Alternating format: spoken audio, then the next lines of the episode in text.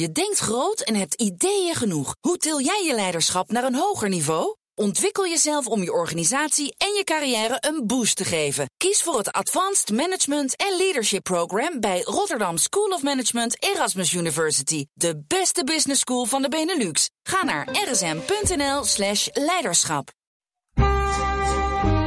De Perestroikast. Een blik op Oost-Europa.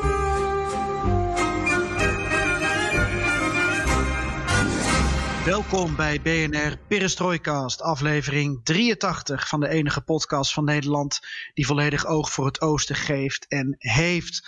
In de eerste 82 afleveringen hebben we in alle geuren en kleuren gesproken over politiek, economie, boeken, films, een beetje eten, een beetje muziek, een beetje reizen. Maar dan zijn er natuurlijk altijd onderwerpen die nog niet aan bod zijn gekomen. We willen het heel graag nog een keer over auto's hebben. En nu gaan we het hebben over dieren. Ja, die podcast over Lada's, Trabanten en Dacia's, Geert-Jan, die komt ongetwijfeld. Eh, maar voor deze aflevering staan dieren op het menu. Wat zegt de relatie tussen mens en dier over onze regio? Daarover gaan we praten met Guido van Hengel, historicus en schrijver van het boek Roedel, een alternatieve geschiedenis van Joegoslavië. Dat verschijnt volgende maand. En ook bij ons is de door ons zeer gewaardeerde Joost van Egmond, oud-Balkan-correspondent en hoofdredacteur van het tijdschrift Donau over Midden- en Zuidoost-Europa. Ja, Guido gaat ons ook wat vertellen over de uh, Joegoslavische band Vispotje. Als je het uh, vrij vertaalt, Riba Chorba. Maar ja, what's in the name als je van Hengel heet, natuurlijk. En uh, we hebben nog een mop van Joost. Die is vast beter dan de enorm slechte woordgrap die ik net probeerde te maken. Betekent ook, Floris, dat we in deze podcast alleen maar mannen hebben. En dat is ja. natuurlijk weer slecht voor het vrouwenquotum. Dus excuses aan Marjolein. Ik hoop dat ze die aanvaardt. En je weet inmiddels alles ten oosten van de rivier de Elbe kan de komende weken, maanden, jaren in deze podcast worden besproken. En wat leuk is, is dat we heel sociaal en democratisch zijn. En dat je ideeën kunt inbrengen via Twitter, perestrooikast of mail ons op perestrooikast.bnr.nl. Ik ben Floris Akkerman. En ik ben Geert-Jan met een dierenachternaam Haan. En dit is BNR Perestrooikast.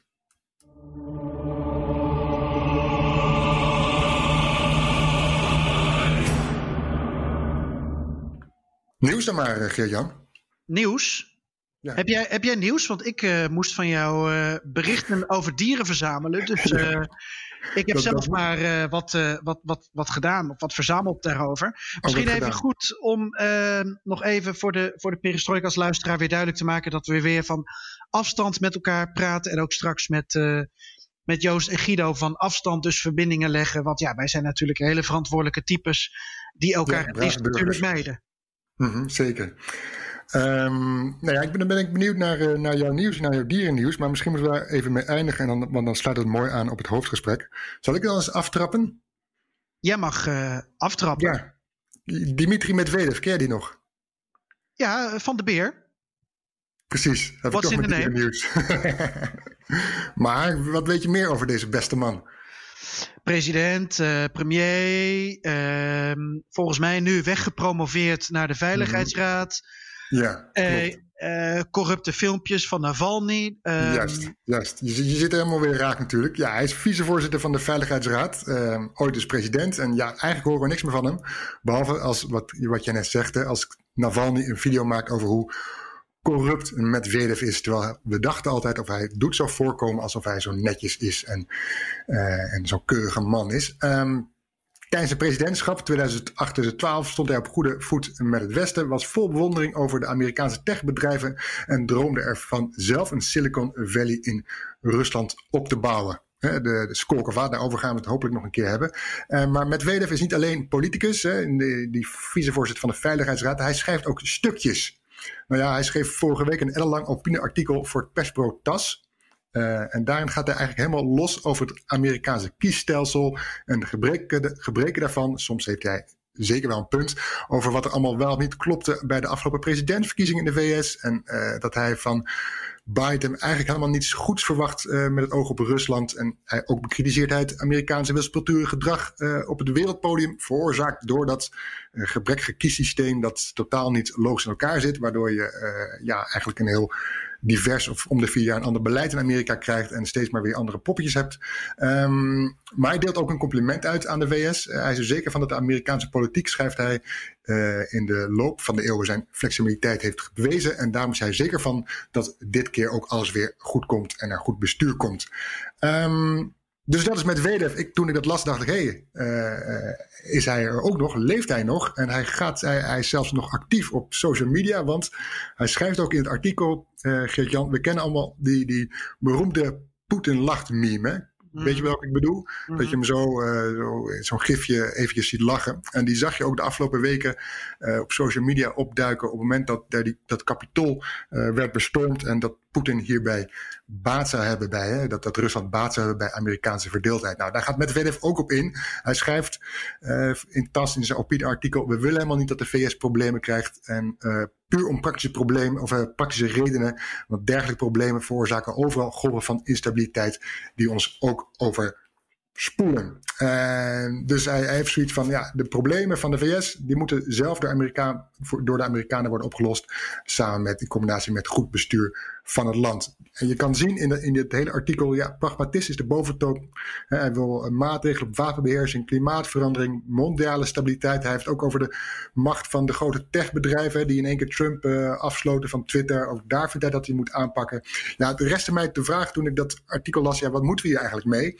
En iemand anders ook, Mark Galliotti, een van de voornaamste Ruslanddeskundigen, uh, die schrijft in de Moscow Times dat Medvedev uit is op politieke rehabilitatie. Hè. Hij is niet simpelweg naar die Veiligheidsraad gestuurd om daar rustig te zitten tot zijn pensioen. Maar hij is op zoek, Geert-Jan, naar nieuwe niches binnen de veiligheidswereld om, ja, om, zichzelf, om, om, om zichzelf neer te zetten, om die eigen te maken. En dus, net als een presidentschap, probeert hij zich, uh, werpt hij zich op als, als de man die zich uh, gaat concentreren op, op tech. Uh, en, en, kijken hoe hij dan die niet-traditionele beveiliging, van, of hoe, je dat, hoe je daar in de toekomst moet omgaan met techbedrijven. En um, hij schrijft ook van, in het artikel van over de hervorming van het Amerikaanse stemsysteem. En dat het gevolgen heeft voor de wereldpolitiek. Dus hij bekritiseert het allemaal. Dus hij werpt zich, dat zijn waarschijnlijk de twee dingen, schrijft Galliotti, waar hij op zich gaat richten. Um, blijven mij de vraag hangen, eh, misschien bij jou ook, wie luistert er nog naar Medvedev? Want ja, we weten allemaal wie de touwtjes in handen heeft. En dat lijkt mij niet de vicevoorzitter van een veiligheidsraad in Rusland. Interessant, al snap ik niet helemaal wat Galliotti zegt. Want als Galliotti zegt dat Medvedev niet simpelweg naar de Veiligheidsraad werd gestuurd om daar rustig te zitten tot zijn pensioen. Mm uh, volgens mij uh, is dat uh, vooral belangrijk ehm, dat je dan afvraagt vanuit vanuit wiens perspectief? Uh, wat misschien uh, vanuit uh, Poetin, die natuurlijk een andere politieke stroming aanhangt dan Medvedev. Mm -hmm. die had denk ik wel degelijk een idee bij het wegpromoveren van Medvedev. Om daarmee ook een bepaalde meer economisch liberale politieke stroming wat meer de kop in te drukken. En dan maar in de vorm van Medvedev richting die veiligheidsraad te sturen. Terwijl Medvedev natuurlijk zelf denkt van ja, hallo, wat, wat, wat doe ik hier? Uh, misschien, ja, en, en nu een poging doet om toch nog gehoord te worden. Ja, ja. Ehm, dus um, ik denk ook niet dat het de insteek van Medvedev zelf was om rustig daar te zitten tot zijn pensioen volgens mij is hij altijd wel iemand geweest met ideeën. Of met mensen achter hem met ideeën. De vraag is alleen of hij altijd de, de sterke uh, leider was. Uh, zowel in woord als gebaar. Om dat uh, uit te dragen. En daarom wordt er nu misschien door Galliotti een beetje lacherig over gedaan. Ja, maar je kan ook zeggen dat iemand die vicevoorzitter van de Veiligheidsraad heeft en, en daar nog iemand boven zich heeft, ook niet een, een sterke positie heeft. En ja, hij probeert zich toch te profileren. Uh, misschien zit er nog iets meer in het vat voor hem, dat hij hierna nog ergens anders naar wordt gepromoveerd. Uh, maar ja, maar wat wil jij nou eigenlijk zeggen dan? Ben je het nou eens nee, met Galliotti? Uh, nou ja, ik, ik, ik, ik ben, uh, ik wil niet zeggen dat ik het eens, ik denk wel dat ik het eens ben met Galliotti dat hij misschien met Weber denkt van ik moet het laten horen. Alleen, van me laten horen. Alleen ik vraag me af van ja, wat zijn zijn woorden, zijn artikel dan nog waard? Ik bedoel, we horen eigenlijk niks meer van de man. Uh, we weten allemaal dat in het Kremlin iemand zit, een paar mensen zitten die het, die het voor het zeggen hebben. En daar is Medvedev niet één van. Hè. Wat je in het Kremlin ziet, is dat vooral de sterke structuren, politie, leger, een hoofdrol spelen en, en besluiten meedenken. Maar dat de liberale stroming, waaronder Medvedev ooit tot toe behoorde in zijn presidentschap. Dat zag je ook aan zijn toenadering tot het Westen. En, een goede voet wilde staan met Obama. Uh, ja, die liberale stroming, ja, die heeft het, uh, heeft het nakijken momenteel. Dus dan kun je zeggen, ja, waarom, wat, wat, wat, wat, wat zijn zijn uh, woorden voor invloed? Misschien kan hij dit makkelijker zeggen dan Poetin. Dat zou kunnen, dat hij opnieuw als een strohalm door Poetin wordt gebruikt. Of in ieder geval of wordt gebruikt als, als iemand die eventjes kijkt van hoe ver uh, kunnen we hiermee gaan en wat zijn de reacties hierop. Nou ja, en als je het hebt over uh, wat er in het kapitool is gebeurd, daar heeft Poetin natuurlijk wel kort op gereageerd. Uh, maar misschien denkt hij van nou laat ik uh, Medvedev maar de ruimte geven om namens de Veiligheidsraad daar wat over te verkondigen. Ja. Ik weet het niet, want ik heb dit niet goed genoeg daarvoor gevolgd. Ja, het kan zijn dat het met, ja. met binnen die Veiligheidsraad, hè, er is nog een mannetje boven, dat met Vedev iets van good cop is. En de, ik ben even de naam vergeten van de voorzitter, um, de bad cop. Ja, interessant. Maar we moeten er dus eigenlijk niet te veel achter zoeken. Denk jij? Nou, dat vraag ik me af, maar dat vraag ik je zoveel af hè, bij, bij het Kremlin. Wat, wat, wat, wat denken ze eigenlijk en wat moeten we hiermee? Ah, leuk hè, dat, uh, die Kremlinologie. Ja, zeker. En met Medvedev heb ik toch, uh, nou ik wil niet zeggen een zwak, maar uh, nee, dat niet, zeker niet. Maar hij was president in de jaren dat ik in Moskou correspondent was. Dus wat dat betreft zit hij, ben je dan toch altijd geneigd om even te volgen wat hij zegt en wat hij doet. Mm -hmm. Ja. Enfin, over naar jouw dierennieuws. Nou, van de beer gaan we naar de. Oh, ook, ook een beer. Uh, en de lammergier. En de bison. En nog een paar uh, dieren. Want mm -hmm. toen jij mij uh, verzocht om aansluitend op het gesprek dat we zo gaan hebben met Guido en Joost.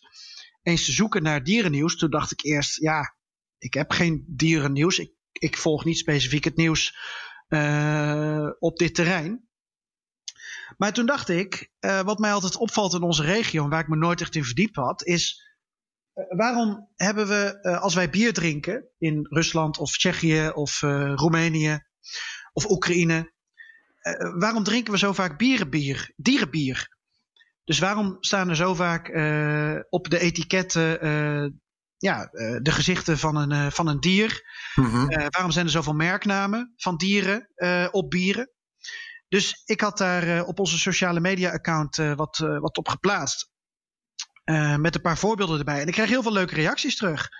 Van mensen die ook aangeven dat in Letland dat het geval is. Of um, in Polen of dus in Tsjechië of in Slowakije. De gouden verzand heb je. Zlatý Bazant. best wel eigenlijk een van de grotere bieren in Slowakije. Ook overgenomen door Heineken. Um, je hebt natuurlijk Kozel, Tsjechisch bier, mm -hmm. wat in Rusland ook groot is, hè? Kazil, ja. Schuber, uh, zowel Tsjechisch als Zuber, uh, sorry, Zuber in het Pools en Zuber in het Tsjechisch. Uh, Urs, Ursus um, in Roemenië. Zaganu in Roemenië, daar kom ik straks nog op terug. Ik ben er nog niet achter wat nou de, de relatie is. Um, iemand opperde misschien de heraldiek erachter. He, dus het feit dat, uh, dat dieren ook op, uh, op wapens uh, voorkomen mm -hmm. in Centraal- en Oost-Europa. Het zou kunnen. Mm -hmm. um, Stefan was nog op zoek naar een soort Habsburgse gemene deler, omdat Jelen, hert, hertenbier, dat komt dan uit Vojvodina. Maar hij zegt, ja, dat gaat dan weer niet op voor de Zoeber en de Zoeber. Um, ja, interessant. ik ben er dus nog niet over uit, maar ik heb één verhaal heb ik gevonden. Um, dat van, van de kozel. Um, Daar maak ik altijd bierstoofpot mee, maar goed. Lekker. Ja, Goed idee. Zal ik voor je maken. Ja, en ik heb iets van een verhaal over kozel gevonden. Uh, geit. Um, daar is ook wel een link met bok en bokbier te leggen. Dat is ook alweer grappig natuurlijk, daar denk je dan niet aan. Maar uh, de naam kozel is eigenlijk um, rond de Eerste Wereldoorlog al opkomen duiken in het uh, embleem van de uh, uh, brouwerij. Die brouwerij die komt uit het uh, dorp Wilke Popovice. Dat is in de buurt van, van Praag. Mm -hmm. Inmiddels is Kozel trouwens overgenomen door Sap Miller en daarna door Asahi Breweries. Dat is dan weer Japans. Dus um, nou ja, tot zover de internationale route die het heeft afgelegd. Maar er was dus op een gegeven moment een, een brouwerij in Wilke Popovice. En toen was er een Franse schilder die daar uh, in de buurt was of langs liep. Ik weet niet precies hoe dat is gegaan. Um, maar die heeft dus um, uh, bij die brouwerij aangeklopt en gezegd: Goh, willen jullie niet een, een mooie geit ook op je etiket hebben. In, in het embleem van je brouwerij. En de schilder, die was. Klinkt als een mop. De schilder was geïnspireerd door, door de geit, of door geiten in het algemeen. En is dus gaan schilderen. En zo is dus de kozel uh, op het etiket van het bier uit Vilke Popovice beland. Dat vervolgens dus een enorme vlucht heeft genomen. En zo is dus al uh, 100 jaar de geit de mascotte van uh, deze brouwerij. En daar komt nog bij uh, dat in de jaren 30 uh, hebben ze dus helemaal uh, de geit een, een prominente karakter gegeven. En er is dus ook in de loop der jaren, ik geloof in de jaren 70, is er dus een echte geit telkens bij de brouwerij neergezet. Uh, Olda. En Olda, ook als Olda dan doodging, dan kwam er weer een nieuwe Olda. Dus elke keer als je de brouwerij bezoekt, in Velke Popovice, de brouwerij van Kozel, dan kun je dus Olda zien. En Olda is dus een mannetjescheid, want de Kozel is een mannetjescheid. En dat is dus een verhaal dat hierachter ligt. En als je daar een tour boekt, nou ja, nu even niet in coronatijd. Maar als je daar langs gaat, dan kan je oog in oog met Olda staan en een heerlijk uh, ja, donker bokbiertje drinken. Of een, uh, een, een, een, een of een uh, Kozel 11 of een Masters Lager. Ja, je kan het zo gek niet verzinnen. Ja, ik, graag zelfs. Na, na dit verhaal zou Kozel bier voor mij nooit meer hetzelfde zijn, denk ik. Ik heb er eigenlijk zin in. Zeg je? Ik zeg, ik heb er ook wel zin in. Ja, ik zeg uh, borreltijd, nu. Proost.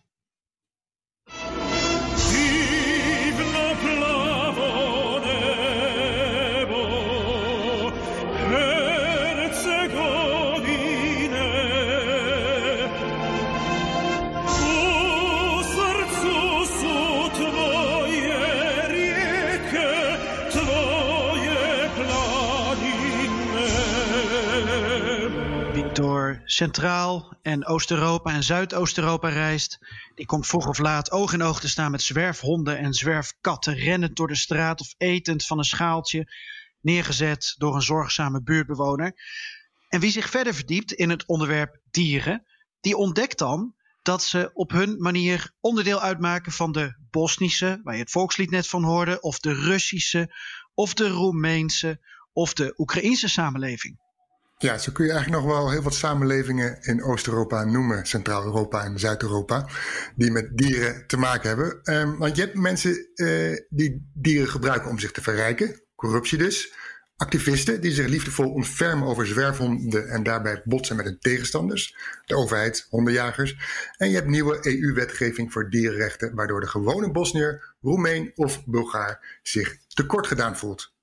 Dieren krijgen dan ook ruim aandacht in de literatuur en media. Denk aan de vele Olympische Spelen en EK en WK voetbals, waarbij er altijd wel aandacht is voor het opruimen van zwerfhonden. Dat is dan weer niet zo fijn natuurlijk. Uh, denk aan het boek Dansende Beren. Ik heb hem hier voor me liggen van Witold uh. Je hebt uh, dit jaar het fotoproject van twee Nederlandse fotojournalisten in Roemenië, geheten Beren op de Weg.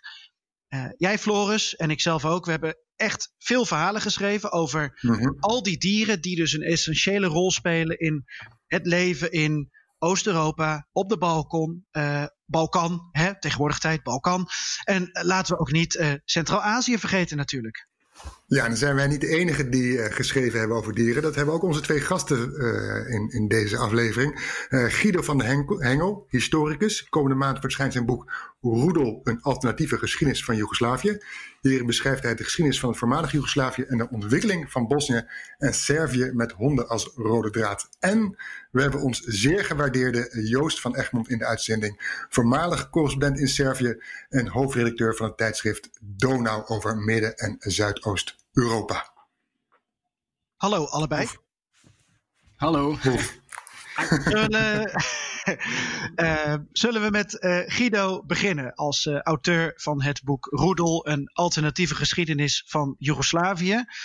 Allereerst, wat heb jij met dieren? Of heb je specifiek iets met dieren op de Balkan? Um, nou, met, misschien niet met dieren uh, op de Balkan, maar ik heb zeker iets met uh, straathonden uh, op de Balkan. ja, het komt eigenlijk erop neer dat straathonden mij een beetje van de angst voor honden hebben af, afgehaald eigenlijk. Um, vroeger was ik altijd bang voor honden in Nederland, keffertjes. ik heb ook een tijdje als postbode gewerkt, dus nou ja, dat is duidelijk. Um, uh, aangevallen door honden, uh, waar je ook komt, altijd maar dat blaffen. Ik was er eigenlijk helemaal geen fan van. Maar um, toen ik in, um, het al tijd terug, 2004 in Servië studeerde, waren er heel veel straathonden rondom de plek waar ik woonde. En dat waren hele rustige dieren waar ik eigenlijk goed mee uh, kon. En um, ja, die vrijheid, uh, zomaar uh, ergens uh, gaan slapen bij de tramhalte, rondscharrelen, doen waar je zin in hebt, niet de behoefte voelen om je baasje te verdedigen of een territorium af te bakenen. Dat sprak me toen enorm aan en nog steeds. En ja, toen begon ik eigenlijk ja, die honden heel erg leuk te vinden. En sindsdien ben ik eigenlijk meer een hondenmens. Terwijl ik eigenlijk oorspronkelijk dus bang was voor honden. Dus ja, ik ben die honden ook wel, die straathonden ook wel dankbaar voor wat ze me hebben ja. geleerd, zo gezegd. heb je ook een hond thuis? Want voorafgaand aan de uitzending, de opname, hoorde ik hondengeblaf op de achtergrond. Of heb je een servicehond in je huis opgenomen? Ik heb een hond. Het is alleen geen Servische hond, het is okay. een Griekse hond. Maar dat is ook Balkan, toch? Ja, ja we nemen het breed. Mm -hmm. dus orthodox? Het is een orthodoxe hond, ja precies. Ja, hij heeft net het uh, nieuwjaar gevierd. Ja. Gefeliciteerd daarmee. Uh, even terug naar uh, jouw boek. een van de mensen die je spreekt, die noemt het merkwaardig dat jij dan dus een heel boek aan honden wilt wijden. Um, is dat zo merkwaardig? Um, nou ja, kijk, de, ik ben natuurlijk historicus, hè, dus uh, geschiedschrijving over de Balkan is vaak extreem politiek. Zeker daar. Uh, mensen, ook uh, collega-historici die ik ken uit Servië en Bosnië, die zijn altijd bezig met uh, ja, de geschiedenis van de oorlog. Wie, wie is schuldig aan wat? Ehm, het is soms nationalistisch, maar soms ook heel erg antinationalistisch. En het gaat altijd over mensen. Dus het idee om dan een boek te schrijven over zoiets apolitieks als honden, daar moesten mijn collega-historici enorm aan wennen, inderdaad. Um, ik zelf vind het niet zo raar, maar het, uh, ik merkte ook bij het schrijven van het boek dat het, uh, ja, toch, uh, ondanks alles, toch een politiek thema is en ook wordt. Ja. Dus, ehm, ja. Nou, wat mij gelijk opviel, is dat uh, in jouw boek ook aandacht is voor actualiteit.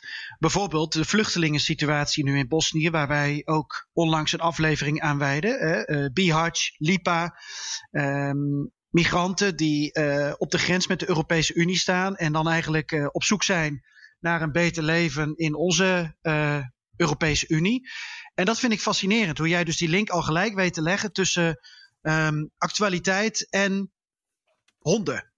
Mm ja, nou ja, misschien kan ik ook nog even vertellen. Toen ik in 2013 uh, in, uh, in Bosnië was voor het uh, schrijven van mijn boek over Gavrilo Princip. Toen was er een enorme discussie om al die honden op te ruimen. Dus eigenlijk ehm, de straten schoon te vegen. En ja, daardoor ben ik ook gaan nadenken van wat betekent dat nou eigenlijk? Dus zeg maar het idee dat er dus honden vrij rondlopen, dat moet een um, eind aan gemaakt worden. En dat is ja, een soort behoefte aan ordening die, uh, die je ook terugziet in, uh, in helaas ook de mensenmaatschappij. Dus dat alles wat, uh, wat niet uh, past in de ordening moet geëlimineerd worden. En als je kijkt naar de, het vluchtelingenbeleid in de Europese Unie, um, vluchtelingen worden buitengesloten en landen als Bosnië en Servië. Ja, daar, daar blijven ze dan hangen. En ook in Bosnië wordt gezegd, die mensen moeten hier weg. We, hoeven, we moeten ze hier niet. Dus die uh, discussie over honden begon ik ook steeds meer te, terug te zien in de discussie over mensen die er niet, niet in de orde passen. Dus de Europese orde, maar ook gewoon de orde in Bosnië. Dus uh, het is natuurlijk een beetje spannend om die vergelijking te trekken. En ik wil het ook niet al te expliciet maken. Maar uh, het, ja, het was wel een soort herkenning inderdaad. In de manier hoe het debat gevoerd wordt. Ja, Joost, even naar jou. Je hebt een huis in Servië. En je hebt me wel eens verteld dat je daar hebt ontfermd of nog steeds ontfermd over zwerfhonden, als ik me niet vergis. Um, wat, wat, wat, maakt jou zo'n dierenliefhebber of zo'n zo'n zo'n zo'n zo'n zorgzame uh, Nederlandse man over Servische honden? Nou, dit, waren, dit was een stel honden dat uh, letterlijk aan mijn broekspijp hing en op mijn schoen ging liggen. Weet je, van die puppies hebben dan zo'n neiging om echt op de neus van je schoen te gaan liggen. Um, ja, ik weet niet of dat dan extreem zorgzaam is van mij, maar dan denk ik, hier is een puppy dat hulp nodig heeft. Je moet toch wat, weet je. Dat, Um, daar, dat gebeurt geregeld. Wij hebben altijd de grap bij ons in het dorp. Je hebt dan de grote doorgaande weg. En um, ja, het lijkt wel alsof de, de afgewezen puppies en, uh, en kittens daar gewoon op een hoekje liggen te wachten. Van hé, hey, daar heb je de Nederlanders. Ja. Die, die, die, trappen er wel weer in als ik heel erg lief ga kijken. En ja, netjes ga miauwen of blaffen. We hebben op mm -hmm. deze manier um, een kat of vier en drie honden hebben we um, ja, min of meer geholpen aan het tehuis. Ja, mooi. En zijn jullie dan de enige die dat doen? Of is het het hele dorp dat zich uh, toch ook hier mee bemoeit? Ja, dat is wel grappig. Ik denk dat er een, um, ja, een aardige aanvulling is op, op wat, wat Guido net schetst van die aangeharkte samenleving. Um, ben ik het helemaal mee eens. Dat zie je zeker in de steden. Ik denk dat het op het platteland er weer net wat anders ligt. Ik uh, hoop dat we het daar ook nog wel over kunnen hebben. Want daar worden dieren toch meer als een, ja, hoe noem je het? Als, ze worden op hun nuttigheid beoordeeld. Sorry? Ze worden op hun nuttigheid beoordeeld. Zoals uh, mm -hmm. natuurlijk gewoon daar veel meer in zit. We gaan in de, in de stad hebben we geen koe. Waarom niet? Omdat we daar niks aan die melk hebben. Dat doen we op het platteland. Dus daar wordt veel meer gekeken naar: heb je iets aan zo'n hond of kat? En zo ja, dan zorg ik goed voor hem. En mijn theorie zou zijn dat daar die extreme liefde en de extreme vreedheid die je soms kunt zien tegenover uh, ja. gezelschapsdieren in de stad, dat die er een beetje uit is. Bijvoorbeeld, ik begon met drie honden. Uh, wij stonden daar een beetje hulpeloos met die puppies en er reed een auto langs. En die vroeg, hé, hey, zit er een mannetje bij? Dus wij, nou, we tillen die honden op en de eerste waar wat onder hing, van ja, dit is een mannetje, nou hier, gooi me door het raam. Dus wij gooien die hond door het raam. Dankjewel, oi, en hij rijdt weg. Mm -hmm. Die had een thuisje. Zo, mm. zo makkelijk gaat dat. Ik zie dat in de stad niet zo heel gauw gebeuren. Ja, over, over die vreedheid, daar komen we zo meteen nog op. Hè? Die, die tegenstelling en de liefdevolle manier waarop ze mee omgaan met zwerfdieren. En we kondigden al aan, uh, we hebben alle vier wat met zwerfdieren of geschreven of ons uh, bemoeid met zwerfdieren in de regio waar wij reizen. Uh, Gert-Jan, welk dierenverhaal staat jou bij? Wat, wat staat jou op het netvlies? Ja, niet alleen zwerfdieren. Mm-hmm. Al zijn die zwerfhonden ook in mijn verhalen vrij aanwezig. Bijvoorbeeld Oekraïne ten tijde van het Europees kampioenschap 2012. Uh, vergelijkbaar met een discussie die Guido aanzwengelt over Bosnië. Nou ja, uh, de camera's van de wereld staan op een land of op een paar steden gericht. Dat moet er dan uh, ordelijk uitzien. Dus dan moet je zwerfhonden opruimen. Daar was toen een flinke discussie over.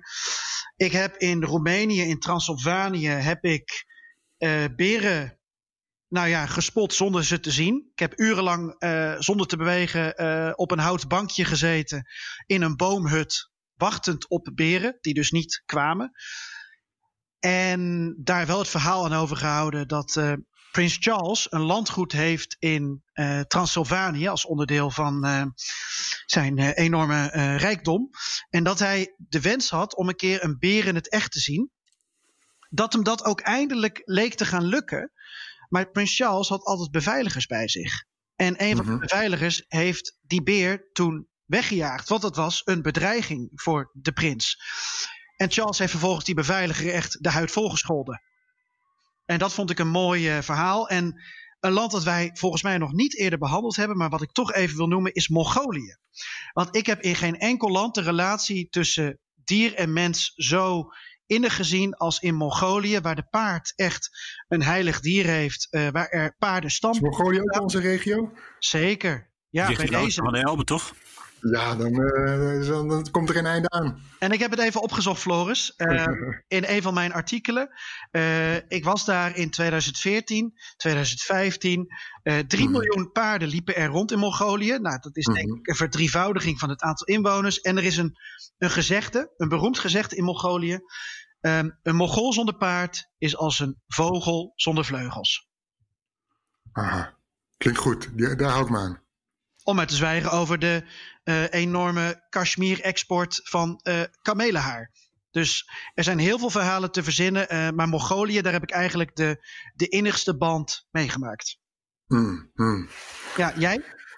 Um, nou ja, ik heb niet echt een innige band. ben misschien niet ook zo'n waanzinnige dierenliefhebber. Um, maar, maar, als ik altijd aan dieren denk, dan denk ik toch wel aan toen ik in Moskou woonde en bij mijn flat altijd uh, uh, ja, toch altijd zo'n zo'n zwerm honden om je huis, om je flat had zien rondrennen.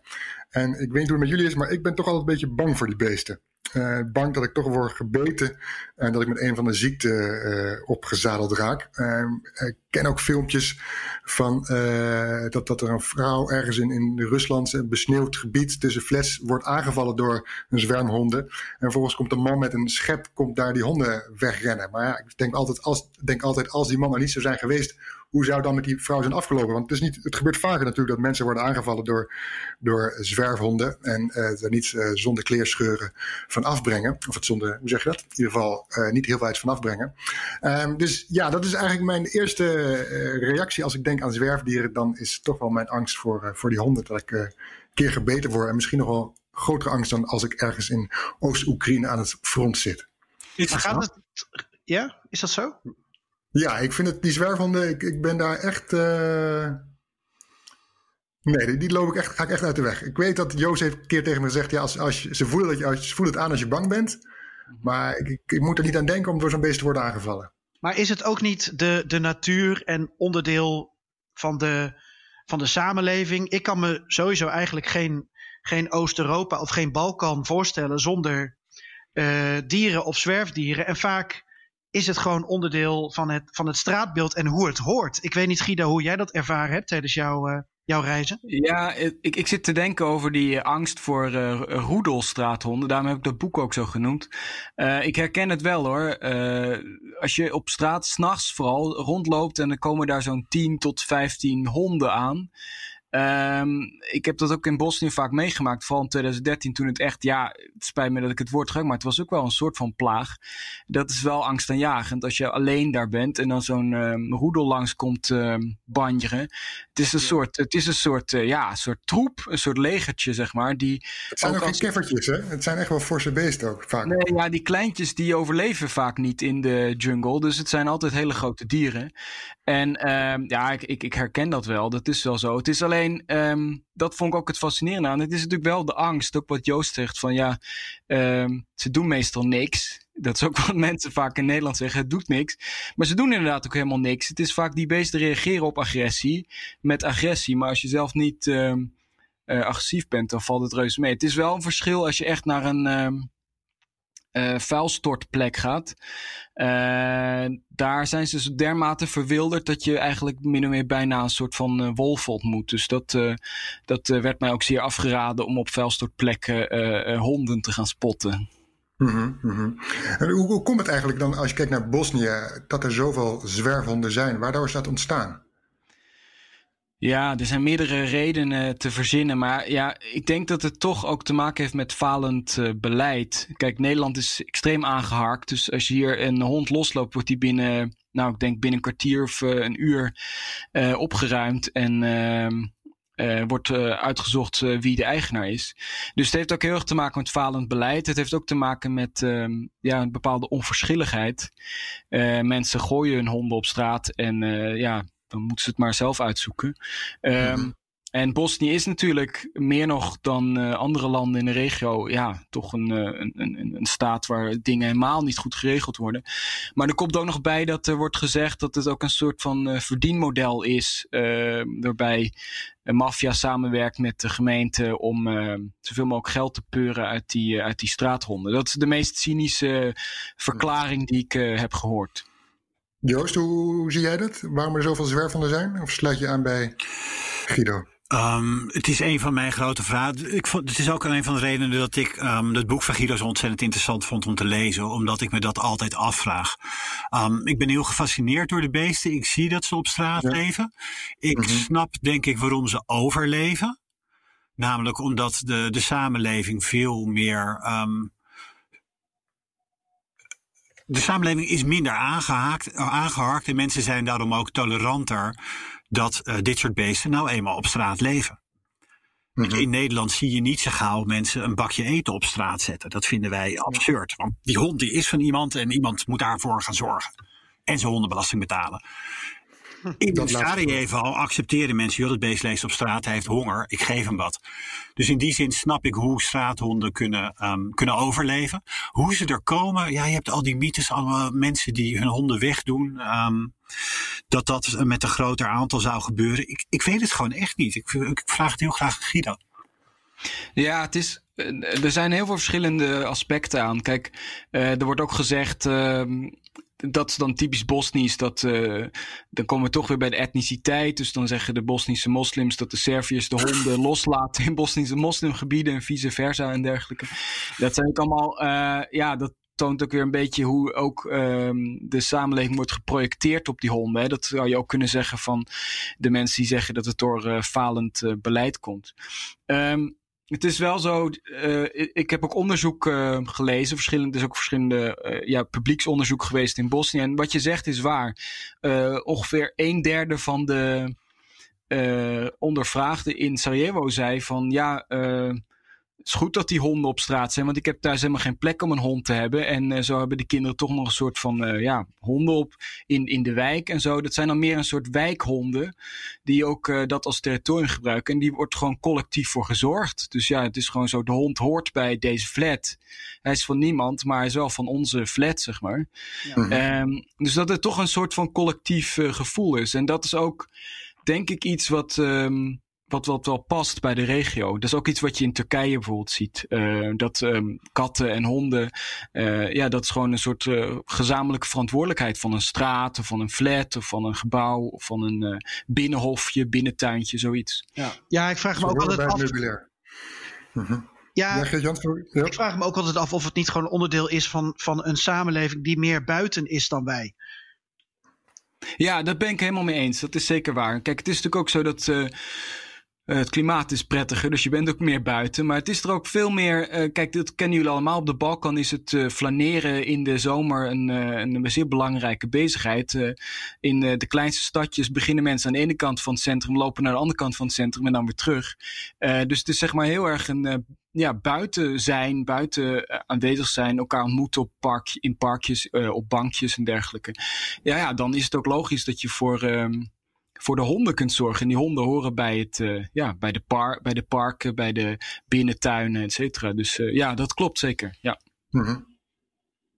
Zullen we het nog even hebben over nostalgie? Want daar ben ik ook wel benieuwd naar. Uh, Joost, ik weet niet hoe jij dat ziet, maar al die boeken die geschreven worden, niet zozeer het boek van, van, van Guido alleen hoor, maar hè, ook Dansen de Beren van Schabowski, dat gaat dan in op hoe, um, ja, hoe dieren en, en communisme ja, een rol spelen, gecombineerd worden. die, die reis van Schablowski die ging dan door Polen en Albanië en Bulgarije. En ik, ik zag dat ook bij het, het, het niet-representatieve onderzoek dat ik deed naar dierennamen en bierennamen. Dus waarom hebben zoveel bieren in onze regio de naam van een dier? En ik kwam het verhaal tegen uit Roemenië van um, de Jagan, de lammergier. En er was dus een jongen die heeft dus uh, uh, dat biermerk opgezet. En dus ook uh, ja, lammergier genoemd. Want vroeger in Roemenië, in de tijd van Ceausescu, had elke district in Roemenië zijn eigen biermerk. En hij vond dat lammergier, die was dan uitgestorven in die regio, maar dat deed hem denken aan de, de tijd van vroeger. Het had een soort nostalgie, een soort veilige nostalgie. Want dieren hebben natuurlijk geen rol in een dictatuur. In ieder geval, ze worden net aan onderworpen als, uh, als mensen. Maar Joost, ik was benieuwd, zie jij daar ook een soort analogie? Uh, communisme, nostalgie, dieren, vroeger was alles beter of juist niet? Niet zozeer um, dieren. Nou, jammer van de verhaal. Een positieve link tussen dieren en communisme. Nou, ik, ik, um, de theorie van Geert-Jan en Joost sluiten heel erg op elkaar aan. Wat ik vooral zie is um, hoe hoe pessimistischer het mensbeeld van iemand, hoe meer die zich op dieren richt. En dat lijkt me ook heel logisch. En dat krijg je dus als iemand de transitie niet bevalt en nostalgie heeft, dan is mijn theorie, zal hij zich meer met dieren bezighouden. Hmm. Is dat een enigszins antwoord op je vraag? Vult dit aan? Ja, misschien paas ik hem even door naar Guido. Kijk of die het wel met je is. Uh, ja, ik zit te denken aan nostalgie. Uh... Nou, omdat Guido ook uh, in zijn boek uh, heeft, begint hij altijd met een paar uh, citaten. En hij heeft ook Svetlana Boym geciteerd. Uh, Daar heb ik heel veel van gelezen voor mijn uh, afstudeeronderzoek. En dat gaat ook over het domein van nostalgie of nostalgisch utopisme. Mm -hmm. um, en ik was toch wel benieuwd of, of jij iets van rol daarin ziet voor, voor dieren. Hè, die dansen de beren. Of zijn dat ja, daar wel, ja. beelden dan? met die, met die, met die, um, met die beren is dat wel echt, een, echt iets, inderdaad. Dat, goed, Bulgarije heeft natuurlijk die traditie met die beren. Maar ik weet dat inderdaad ook in Servië dat er ook wel. dat die beren ook echt staan voor een tijd die voorbij is. Een bepaald soort circus uh, sfeer, een bepaald soort speelsheid die uh, voorbij is. Even los van dat die beren er zwaar onder lijden. Um, ik, ik, ik zit te denken, ja, nou ja, wat betreft nostalgie. Ik heb ook in mijn boek geschreven over de honden van Tito. Die zijn op een bizarre manier ook een soort iconen van het uh, Jugo-nostalgie. Uh, het viel me op dat ik in het, uh, in, bij het mausoleum van Tito kun je speciale uh, paraphernalia kopen van de honden van Tito. Dus ja, dat, daar is dus markt voor. Dat mensen dus ehm, uh, een soort nostalgie van honden. En dit zijn dan beroemde honden, partisanenhonden, die dus ook meedoen in het uh, Jugo-nostalgische uh, beeld. Ehm, dat, ja, dat zie ik wel. En ja, ik moet ook denken, behalve nostalgie heb je natuurlijk ook nog een soort nationale trots. Hè? Bijvoorbeeld, ik las onlangs nog dat in Polen wilden ze ook die. Um, Vicent, dus de Juber, wilden ze ook tot een soort nationaal symbool maken. De, volgens mij zei de in regerings nou, geval iemand van de regering, die zei echt iets van, ja, dat is echt uh, onze nationale trots, uh, vergelijkbaar met uh, de Amerikaanse bison en nou ja, de Duitse adelaar, weet ik veel. Dat vond ik fascinerend, dat dus die, die, die, die bison, die dus eigenlijk is teruggefokt in de, in de oerbossen in het oosten, dat het toch een soort nationaal symbool wordt. Dat is misschien niet helemaal een antwoord op je vraag, maar het zijn wel um, dieren kunnen wel enorm gebruikt worden om inderdaad ja, uh, tijden op te projecteren of nationale identiteit op te projecteren. Of, ja, uh, maar dat snap dus... ik bij Nederland niet. Weet je, wij hebben de leeuw. Daar moet ik echt over nadenken. Terwijl die ja. uh, op al die bierlabels um, in Oost-Europa, de beer en de vogels um, en inderdaad de joeber die je noemt it makes sense. En dat vind ik zo ingewikkeld met ons land. Nou ja, het PVV heeft een meeuw als logo. Hè? Dat is misschien uh, iets meer voor de hand liggend dan de leeuw, denk ik. ik, ik, ben, ben nog, ik wil nog even weten over die, die tegenstelling tussen vreedheid uh, en, en liefdevoel met dieren omgaan. Hè? Dat je inderdaad, aan de ene kant zie je dat ze wat ik zag in, in, in Rusland en Oekraïne en daarbuiten, is dat ze een schaaltje eten neerzetten voor zwerfkatten, wat wij dan niet, niet begrijpen, zoals Joost aanstipte. Aan de andere kant zijn ze ook heel vreed, kunnen ze met dieren omgaan. Hè? De dansende beren, het boek wordt dat daarin beschreven.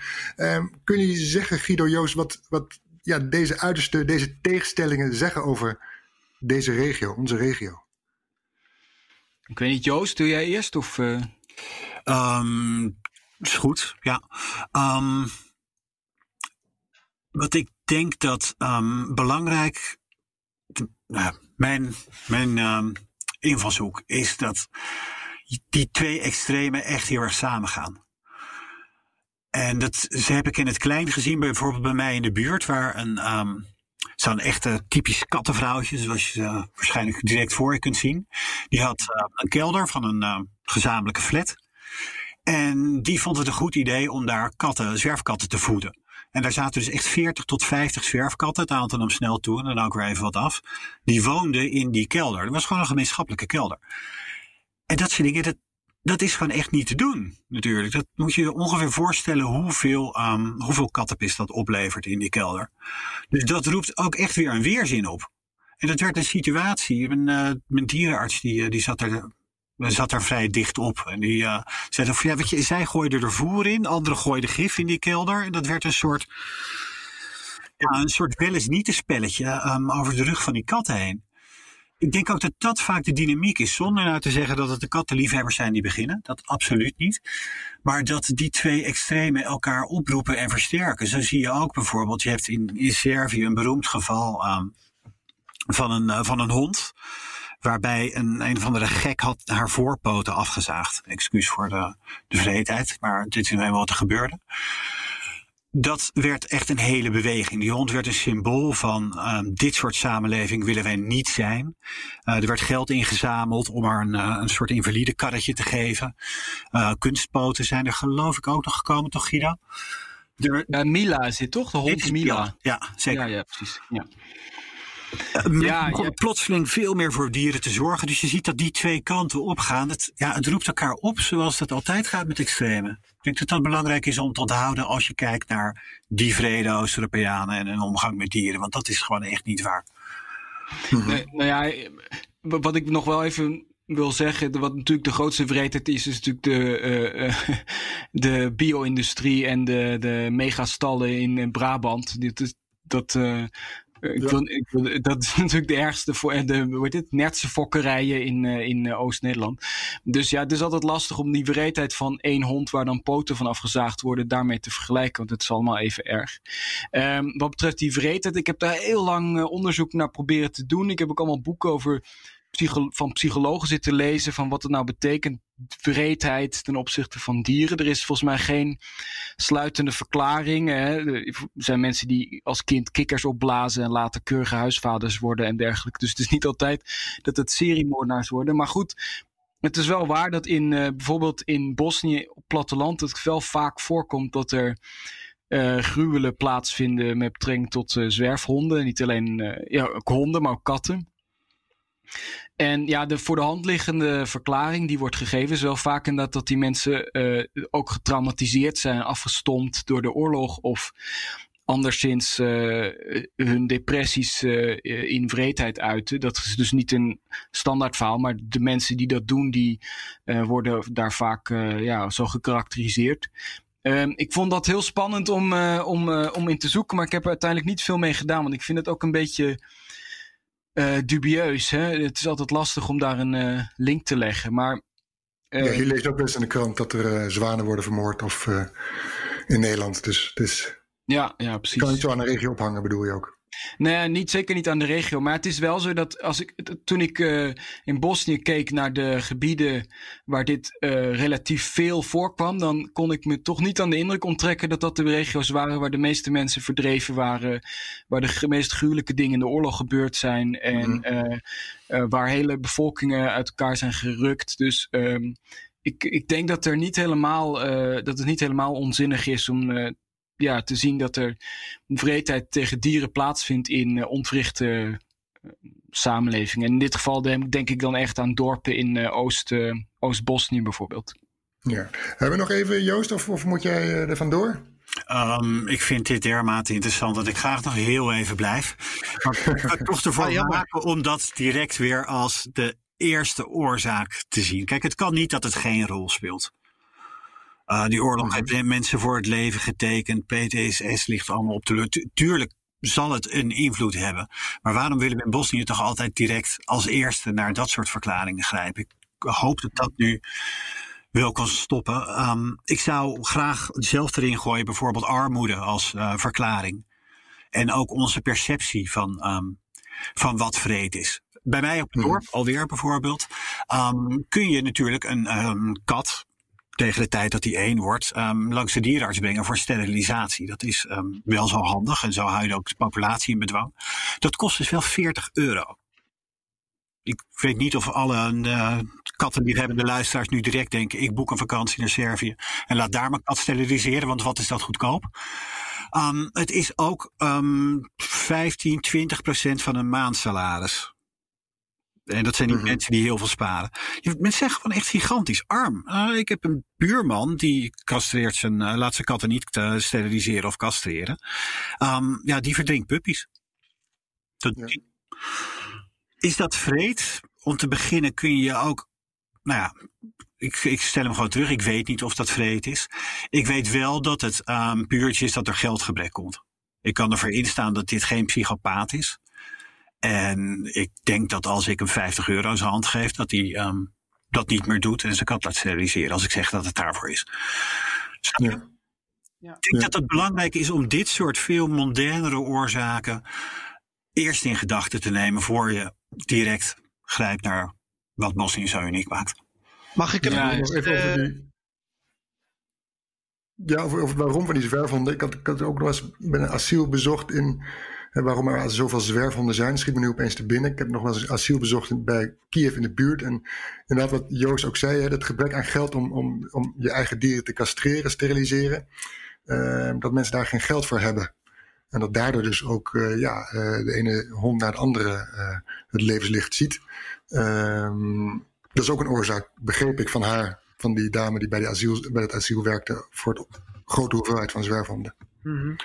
Maar Geert-Jan, jij wil, nog, wil jij nog over dieren hebben? Of over, over eh, beroemde dieren beroem, van beroemdheden? ik wil nog iets aanvullen uh, op wat Joost net zei over Mhm. perceptie. Uh, als je onze regio wat breder trekt, dan heb je natuurlijk ook uh, de oostkust van Rusland, Kamchatka, waar onlangs volgens onderzoek 90% van het zeeleven is aangespoeld. Om vervolgens dus op het strand af te sterven. Um, ik ben onlangs in Noord-Zweden geweest. Ja, nou trek ik onze regio wel heel breed. Ja, nee, gaat te ver. Ik moet de grens uh, nee. Mongolië heb je gehad en nu ga je het over Zweden hebben. Of is dat, was het vroeger Rusland? De reden is dat ze in Lapland heel veel uh, last hebben gehad van uh, de kernramp bij Tsjernobyl. Ah, heel goed, goede link. Die straling uh, zorgt ervoor dat 35 jaar na dato daar nog steeds uh, rendieren sterven door besmette grond. Maar wat ik me afvraag is, Joost die had het over, is het verdrinken van een puppy erger dan zo'n enorme ramp? Of dan zwerfhonden uh, uh, in Bosnië die uh, ja, op een bepaalde manier worden behandeld? Ik vraag het me heel erg af. Ik denk dat wij het erger vinden om het beeld van een, van een verdrinkende puppy op te roepen dan honderdduizend zeesterren die dood liggen te gaan. Ja, en ik blijf, ik blijf erbij dat de bio-industrie eigenlijk het ergst is. Dus ik, Volgens uh, is uh, Guido van mening dat. Ja. Ja. Voort, precies, ja. Nee, ik heb, het Orientalisme ligt hier ook op de loer natuurlijk. Hè. Ik bedoel, hoeveel zeelevens slopen wij door onze shampoo aan, door de wc, door de ik spoel mijn shampoo nooit door de wc. Excuus. Door mijn shampoo door de grootste, um, hoe heet zo'n ding? Een doucheputje te sproeten. Hè, hè? Ja. Dat is, dat is funest. Dieren um, leggen massaal het loodje iedere keer dat je dat doet. En wij gaan kijken naar um, die vrede Oost-Europeanen die een puppy verdrinken. Ja, ik vind het echt. Laten we het vooral wel zo breed houden. Want dat, dat lijkt me heel belangrijk op een onderwerp als dit. Uh, je ziet het mechanisme steeds opkomen. En dat hoop ik ook eigenlijk dat we in dit geval daar, daar wel paal en per kunnen stellen. Want het is gewoon, het is niet eerlijk. We houden onszelf voor de gek. We kweken een, um, ja, een, een vals beeld van een, van een tegenstelling die er niet is. Um, Guido, jij, wilde, uh, je had nog een lied in gedachten, toch? Dat je graag wilde laten horen. Ja, nou, het is ook misschien wel goed om even nog aan te haken op wat Joost zegt. Want kijk, oh, natuurlijk. geen lied. Jawel, jawel, lied. Uh, uh, een van de dingen is, denk ik, wat ik zelf belangrijk vind, is de hele tijd ook te kijken naar hoe mensen inderdaad uh, hun eigen problemen of samenleving of hun obsessies of hun politieke voorkeuren projecteren op dieren. Of dat nou hondjes zijn of dieren die, door, zee die door zeerampen omkomen of de bio-industrie. Ik denk dat dat ook misschien wel een van de dingen is die mij het meest fascineert aan dieren. Dus niet zozeer de dieren zelf, maar inderdaad de manier hoe mensen daar betekenis aan geven. En daar is dat lied ook interessant in, want um, uh, ik heb in het boek ook veel uh, geschreven over inderdaad dus um, symbolen van dieren. En in de jaren tachtig, um, uh, nou ja goed, we weten in de jaren tachtig liep Joegoslavië op de laatste benen. En een van de liederen die toen tot een schandaal uh, heeft geleid, is dus het uh, lied Besni Psi van Ribja Chorba. Dat is een Joegoslavische ja, Jugo-rockband. Um, waarin hij inderdaad zei, ja, de, overal uh, loeren de dolle honden op mij in het park. en hij noemde onder andere ja, Griekse smokkelaars, maar ook Arabische studenten. En nou, hij vergeleek allerlei mensen met dolle honden. En um, op een bepaalde manier vond ik dat typerend voor de jaren tachtig, waarin inderdaad Joegoslavië de paranoia en de angst voor uh, de ander en voor de, de, andere etniciteiten, maar ook voor de staat en voor de opvolgers van Tito, um, leidde tot een soort uh, ja, angst. En die werd dan in dit lied uh, geprojecteerd op de honden. En het leidde tot een schandaal, vooral omdat uh, ja, er worden honden met Arabische studenten vergeleken. Dus dat is ook een reden waarom het lied uiteindelijk werd verboden. Ik vind, het zelf niet zo'n bijzonder, ik vind zelf niet zo'n goed lied, maar het is wel iets wat uh, past bij het thema, inderdaad. Komt-ie.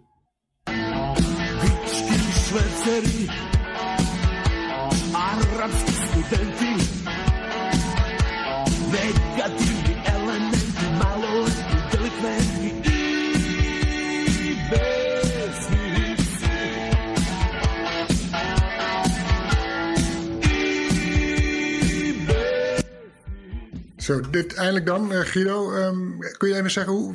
Dit, dit, dit, dit was, is niet jou, echt jouw smaak, begrijp ik. Ehm, maar dit nummer was toen der tijd een grote hit. Nee, het was geen grote hit. Het was eigenlijk uh, al vrij snel werd het uh, door de censuur uh, ja, terzijde geschoven, inderdaad. De honden lusten er geen brood van.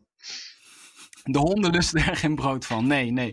Maar het is wel een hele beroemde band. Dus het is wel een band die ook een belangrijke rol heeft gespeeld eh, in de metamorfose van Joegoslavië. Omdat de band Mhm. begon als een Jugo-rockband en eh, in de oorlog eh, transformeerde in een Serbisch-nationalistische band. Die zelfs strijdliederen voor de Bosnisch-Servische milities schreef.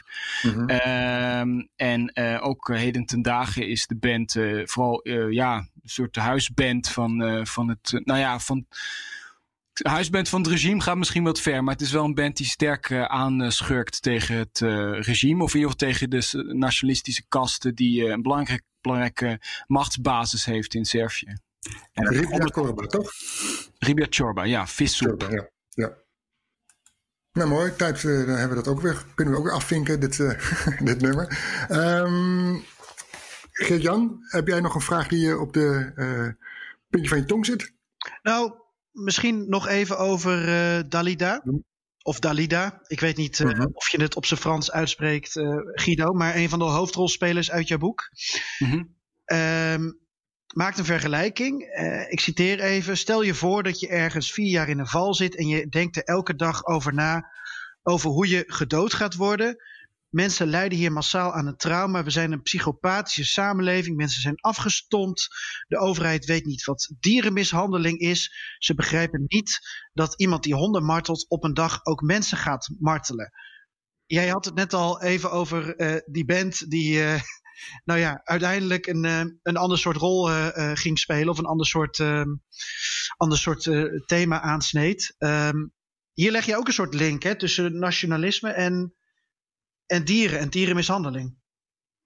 Nou ja, ik, ik zelf wil die link niet leggen. Maar goed, het is wel zo dat mensen eh, die ik ontmoette, die zich bezighielden. die Dalida? Eventjes voor de... Ja, ehm, ik heb heel veel mensen gesproken die zich inzetten voor honden. Eh Dalida is een van de meest, eh, laat ik zeggen, eh, aanwezige mensen in Bosnische, eh, de hondenarena, zo gezegd.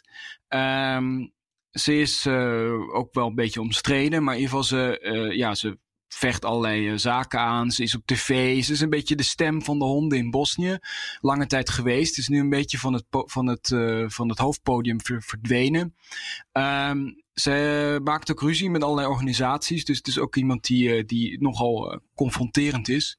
Ehm, dus ja, dat zie je ook in de manier hoe ze erover praat. Heel stellig, heel, heel extreem.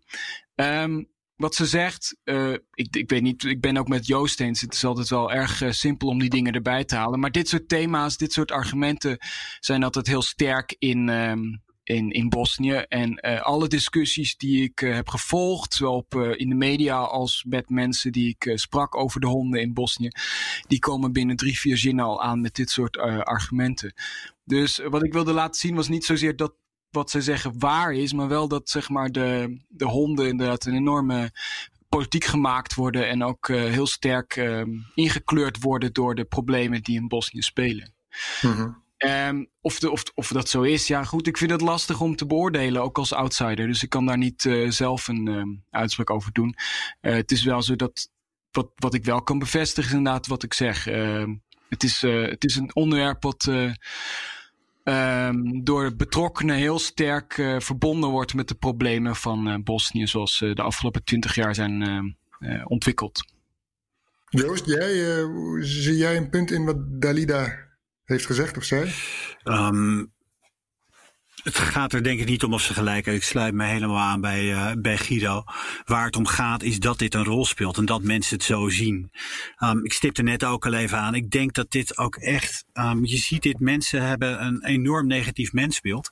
Ehm, dat heeft allerlei oorzaken, waarin natuurlijk ook die oorlog en de nasleep ervan en de huidige ja, situatie van Bosnië een gigantische rol speelt. En ja, dan neig je er eerder naar om te zoeken bij de onschuld. Die honden die ehm, kunnen er niks aan doen, die hebben niets met politiek te maken. En dat is eh, bij uitstek kennelijk de gelegenheid om ze politiek te maken. Honden zijn politiek en dat vind ik het, eh, het schitterende ook van het, eh, van het boek van Guido. Ik heb het met heel veel plezier gelezen. Het, het geeft dat heel mooi aan welke rol ehm, die beesten hebben gespeeld in de afgelopen 50 jaar. sorry, ik reken verkeerd, sorry, 80 jaar van de geschiedenis in dit gebied. Overigens, overigens misschien nog wel aan ter aanvulling. Ehm, eh, in Bosnië wordt wel veel gelachen om al die gekke West-Europese journalisten die altijd komen kijken naar de honden. Ze, ze beschouwen dat ook als een soort bizarre eh, obsessie. Dus dat vond ik ook wel weer grappig. En misschien hebben ze ook wel gelijk dat wij. eh, van, of tenminste mensen uit West-Europa daar, ja, daar altijd weer over beginnen. Ehm, dus dat toont ook een beetje aan. En dat denk ik ook bijvoorbeeld ook met de wetgeving in Bosnië, maar ook in Roemenië is, is daar eh, een kwestie. Ehm, wordt echt gezien van ja, vanuit Brussel moeten we lief zijn voor die dieren, dus laten we het maar doen, want dat willen ze daar in Brussel. Eh, dus het zit ook, zit ook andere aspecten aan die ook wel, eh, ja, grappig, misschien zijn ze helemaal niet grappig, maar in ieder geval dat is wel iets wat ik regelmatig gehoord heb in, eh, in mijn onderzoek. Ja, maar dat botst vaak ook weer die Europese wetgeving, dierenwetgeving, dierenrechten met wat de gewone Bulgaar Roemeen eh, wil en, en denkt. Eh, de mooiste opvang voor dieren, terwijl eh, voor de mens daar niks is geregeld. Ja, dat zit er ook in dat berenboek van eh Schabowski. eh, Waarin die beren, geloof ik, meer geld per maand krijgen aan eten dan de gemiddelde bewoner van het dorp ernaast. Ja, ik snap al dat dat steekt. eh het is ook niet, eh, niet helemaal onbegrijpelijk, inderdaad. Ja, maar dat dorp, dat is ook een armoedige zooi. Dus dan snap ik wel dat de beren nog meer krijgen. Ehm, Nou, aan de andere kant, Schabowski geeft dat ook heel duidelijk aan. Die allereerste man die hij heeft, die raakt zijn baan kwijt. Hij denkt, wat kan ik? Oh ja, ik ga naar een beer. Als hij zijn baan niet kwijtraakt, dan gaat hij helemaal geen beren trainen. Dus in die zin snap ik ook wel echt de kritiek van wat, wie zijn wij nou om te beginnen met beren en straathonden en straathonden. Hey, en wat- Waarom en is dat het belangrijkste? Waarom kijken we niet naar het mechanisme dat dit laat ontstaan?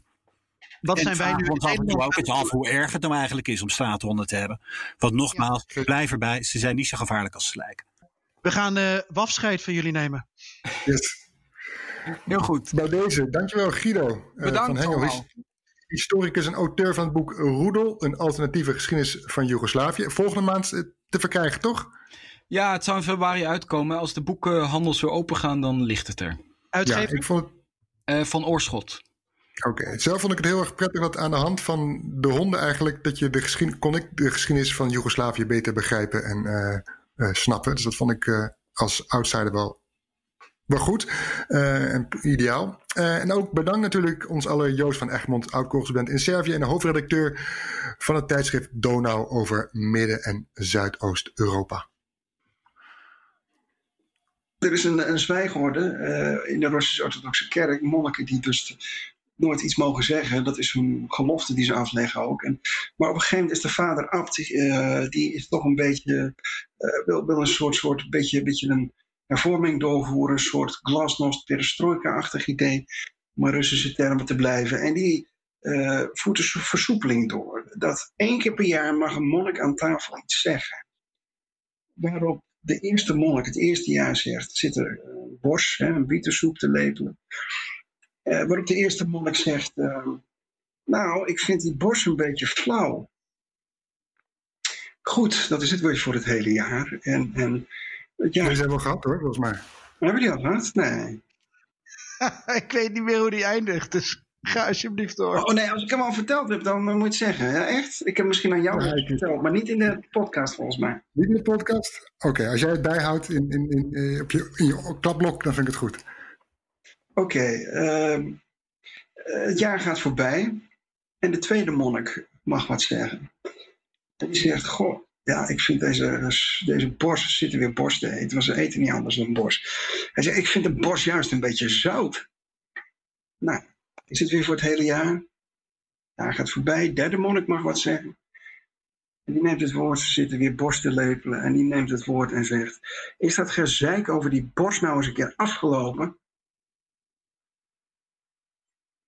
Ja, voor een heel jaar. Kom er over een jaar weer op terug. Ja, doe dat maar. Dankjewel, lieve Joost. Hij is zo flauw dat hij eh, prima het rijtje moppen past. Nog flauwer, nog flauwer dan de bos. Wat flauwer dan de borst.